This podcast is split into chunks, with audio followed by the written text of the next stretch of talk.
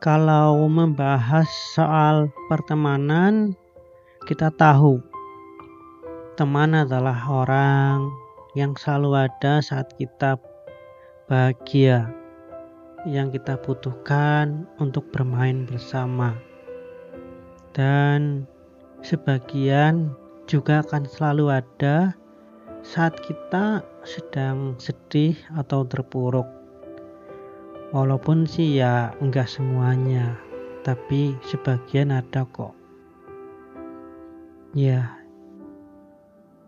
circle pertemanan adalah hal yang penting dalam sebuah kehidupan. Tanpa disadari kita butuh mereka mereka pun butuh kita untuk melengkapi kehidupan ini. Circle pertemanan inilah yang akan mengukir kisah dalam hidup kita, entah kisah bahagia, kisah yang sedih, kisah yang penuh dengan amarah. Circle pertemanan ini adalah salah satu yang akan menjadi kisah itu. Jadi, inilah pentingnya circle pertemanan dalam kehidupan. Tanpa mereka, mungkin hidup kita tak akan berwarna. Hai, bertemu lagi bersama Kaki di podcast cerita kita.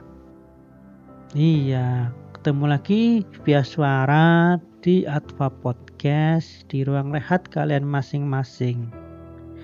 Gimana kabarnya? Iya, hari ini kalian lagi bersama teman atau sendirian aja. Malam ini kaki mau cerita tentang circle pertemanan. Membahas itu ya kalian semua pasti punya yang namanya circle pertemanan. Coba dong cerita di komentar Bagaimana kisah kalian di sana? Kita sebagai manusia adalah makhluk sosial di mana kita membutuhkan yang namanya sosialisasi. Kita nggak mungkin hidup sendirian. Karena hidup sendirian itu adalah hal yang membosankan, sepi, sunyi dan jenuh pastinya. Maka dari itu, sebagai makhluk sosial, kita butuh yang namanya circle pertemanan sebagai wadah untuk kita curhat, untuk uh, main bareng, mabar bareng, untuk berkeluh kesah, terutama untuk yang masih remaja ya. Biasanya lebih enjoy aja kalau curhatnya ke temen gitu loh dibanding ke orang tua. Maka dari itu circle pertemanan ini penting untuk semua manusia. Iya kehadiran teman itu tanpa sadar kita butuhkan. Mau sedikit mau banyak itu akan membuat hidup kita penuh warna membahas circle pertemanan, kita tak bisa memaksa mereka untuk terus bersama. Mereka juga berhak memilih jalan mereka. Jadi, kalau kalian pernah berpikir, kok lama-lama temen nongkrong berkurang, kok dia sekarang asik dengan circle barunya? Iya, tenang itu hanyalah bagian dari kehidupan. Kamu juga tanpa disengaja akan menemukan circle yang baru lagi. Itu hanyalah proses yang akan terus berputar. Gak masalah, sudah jarang kumpul. Kalian tetaplah berteman. Waktunya saja yang sudah sulit atau memang sudah ditakdirkan kalian menemukan circle baru. Dulu waktu kuliah kita bebas memilih kelas, tapi banyak dari mereka yang sampai lulus tak pernah berpindah kelas, dan banyak juga yang suka pindah-pindah kelas. Kaki salah satu yang kadang suka pindah kelas. Memang kita jadi jarang kumpul sama circle pertemanan kita di kelas yang dulu. Tapi gak sampai satu minggu, circle pertemanan yang baru mulai terbentuk. Setiap kelas selalu saja membentuk circle baru. Ketawa bareng lagi, main bareng lagi, bercanda lagi, bahkan nangis bareng dan marah bareng semua ada di circle-circle kecil di tiap-tiap kelas. Hanya orangnya saja yang berbeda, tempat nongkrongnya juga beda, dan semua itu melahirkan kenangan-kenangan indah dan pahit secara bersamaan. Iya, itu semua tinggal kenangan. Ingin rasanya kumpul lagi kayak dulu, tapi keadaan dan waktu sudah tak lagi mengizinkan. Ada yang keluar kota, ada yang sibuk, ada yang waktu luangnya beda. Semua itu membuat circle-circle kecil ini hanya tinggal kenangan. Jangan sedih, selama kita membuka diri, maka circle-circle itu akan tercipta dengan sendirinya lagi dan kita jadi bisa lebih memilih siapa saja yang masuk dalam circle kita dan itu juga terjadi secara naluriah dari diri kita yang cuma ingin berada di circle atau sekitar orang yang tepat. Orang yang satu frekuensi, satu visi, satu jalan, setapak, satu jalan tujuan. Mereka-mereka itu yang secara alamiah akan menjadi teman perjalanan. Dan tanpa sadar akan membentuk circle baru di kehidupan kita yang lebih baik. Karena dengan circle yang lebih baik, maka hidup kita juga akan jadi lebih baik. Balik lagi ke waktu SMK ya. Dulu aku tuh nggak pernah kepikiran untuk eh, membuat sebuah circle pertemanan. Karena aku yang pendiam kayak karakter anime gitulah. Pendiam dan eh, nggak uh, terlalu suka ngobrol juga. Ya jadi nggak suka ngobrol juga itu ya ya itulah masa dulu masa lalu bahkan ranking pun ya selalu di urutan bawah itu siapa juga yang mau dekatin buat nyontek tapi dunia tak sekejam itu dalam waktu satu bulan, circle itu ada dengan sendirinya. Jadi tercipta dengan sendirinya asalkan kita mau membuka diri, mau membuka hati. Lebih lama dari waktu kuliah yang hanya butuh satu minggu.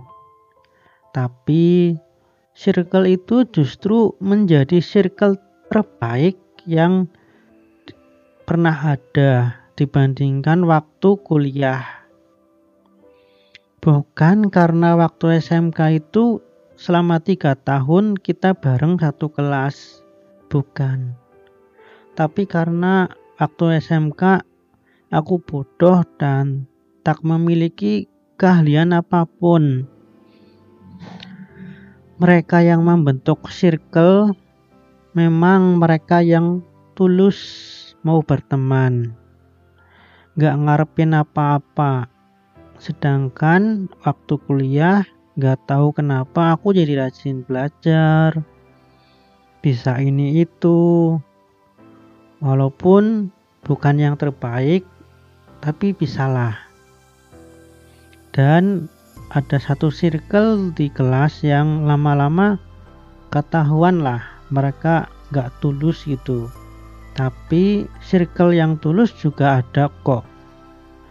Di sini bisa mengajarkan kita semakin kita tinggi orang-orang oportunis akan semakin banyak yang mendekati.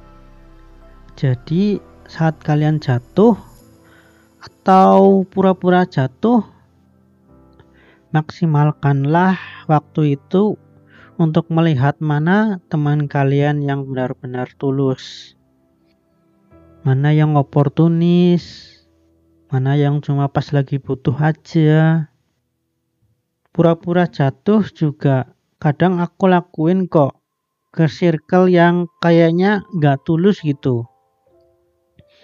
Yang memang kaki anggap kayaknya ada yang aneh atau gimana atau kayaknya gak gak benar-benar tulus kadang kaki pura-pura jatuh gitu. Dan entah kenapa tebakanku selalu benar apa karena aku pernah memiliki circle yang benar-benar tulus waktu SMK jadi aku paham mana yang tulus dan enggak. Ya hanya Tuhan yang tahu.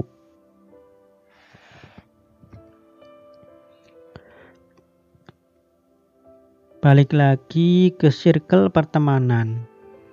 Mau sependiam apa pun kalian selama kalian membuka hati pasti circle itu akan terbentuk dengan sendirinya. Walaupun butuh proses yang lebih lama daripada saat kalian jadi orang yang cerewet atau sok ramah gitu. Biasanya kalau orang-orang yang sok ramah, sok akrab kan untuk membentuk circle pertemanan jauh lebih cepat. Cuma ya kelemahannya di situ kadang yang nyantol nggak nggak selalu tulus gitu. Sedangkan orang yang banyak kekurangan orang yang pendiam orang yang gak terlalu memikirkan circle pertemanan tapi dia tetap mau membuka hati terkadang ya banyak orang tulus yang benar-benar ingin berteman dengannya yang mendekatinya Ya, karena siapa juga yang mau oportunis ke orang yang gak punya apa-apa gitu.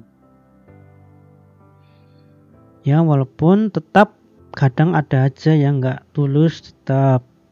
Tapi setidaknya presentasinya lebih sedikit gitu loh. Iya, terkadang orang cerewet pun butuh seorang pendiam untuk jadi pendengar yang baik. Dan Sebaliknya, orang pendiam juga butuh pendongeng yang baik. Pertemanan itu sejatinya untuk saling melengkapi, bukan memaksakan harus seperti yang mereka inginkan, bukan memaksakan teman-teman kita harus seperti yang kita mau, harus sependapat, harus sevisi harus sejalan. Tapi yang paling penting, yang paling sejati adalah mereka yang tulus mau berteman dengan kita walaupun beda visi, beda jalan, beda pemikiran, beda prinsip. Yang penting tidak sama-sama memaksakan prinsip mereka untuk dijalankan temannya atau dipercayai oleh temannya. Banyak kok persahabatan-persahabatan yang dijalani oleh orang-orang yang beda agama.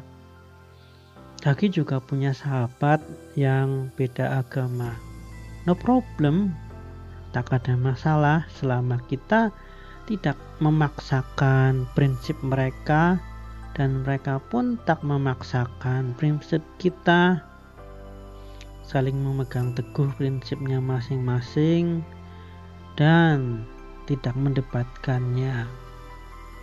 Jadi, carilah circle yang mau menerima kamu apa adanya, saling membantu saat kesulitan. Kalau kalian bertemu dengan circle yang gak sesuai, ya terus terang saja.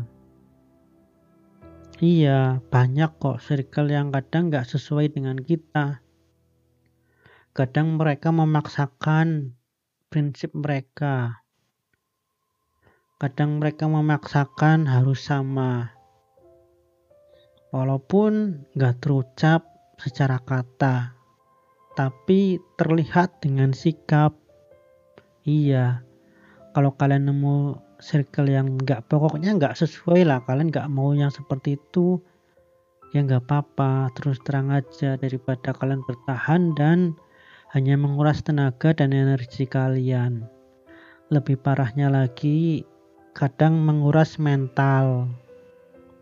Iya, kalian terus terang aja. Kalau nggak bisa, ya jauhilah mereka secara perlahan atau menghilang secara perlahan.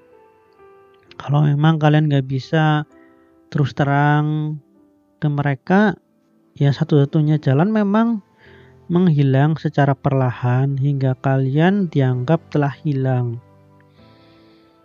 dalam circle itu. Jangan takut sendirian dan mengulang lagi dari awal. Gak apa-apa, itu semua juga demi kebaikan kalian. Dan alangkah lebih baiknya kalian terbuka kepada circle-circle yang baik jadi saat satu circle seperti gak bisa nerima kamu atau kamu gak bisa nerima mereka, maka masih banyak circle-circle yang lainnya dan kalian gak harus mengulang dari nol. Kata terakhir dari aku, walaupun kamu sudah memiliki circle pertemanan Jangan menutup hati pada circle-circle pertemanan di sekitarmu. Karena dengan kamu membuka hati, lama-lama kamu akan mendapatkan circle terbaik untuk hidupmu.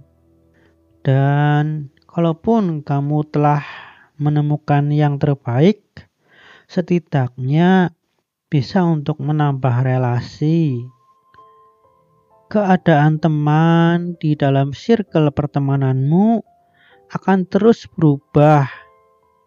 Yang pergi biarlah pergi, yang datang sambutlah. Walaupun circle itu hilang, pertemanan kalian tetap berlanjut seperti circle SMK ku yang sudah hilang sejak lama. Tapi pertemanan kami masih hangat persahabatan kami masih cerah dan menyenangkan. Circle itu kan bahasa gaulnya geng pertemanan kan, jadi kayak geng sekolah-sekolah gitu ya, geng pertemanan. Jadi saat geng itu bubar karena lulus sekolah atau karena ada yang sibuk kerja dan lain sebagainya, ingatlah mereka tetap sahabat kalian. Ya, inilah circle pertemanan. Terima kasih yang sudah mau mendengarkan sampai akhir. Jangan lupa like video ini, subscribe channelnya, dan insya Allah akan keluar di Spotify. Tunggu aja ya lur. Sampai ketemu di podcast selanjutnya. Bye bye.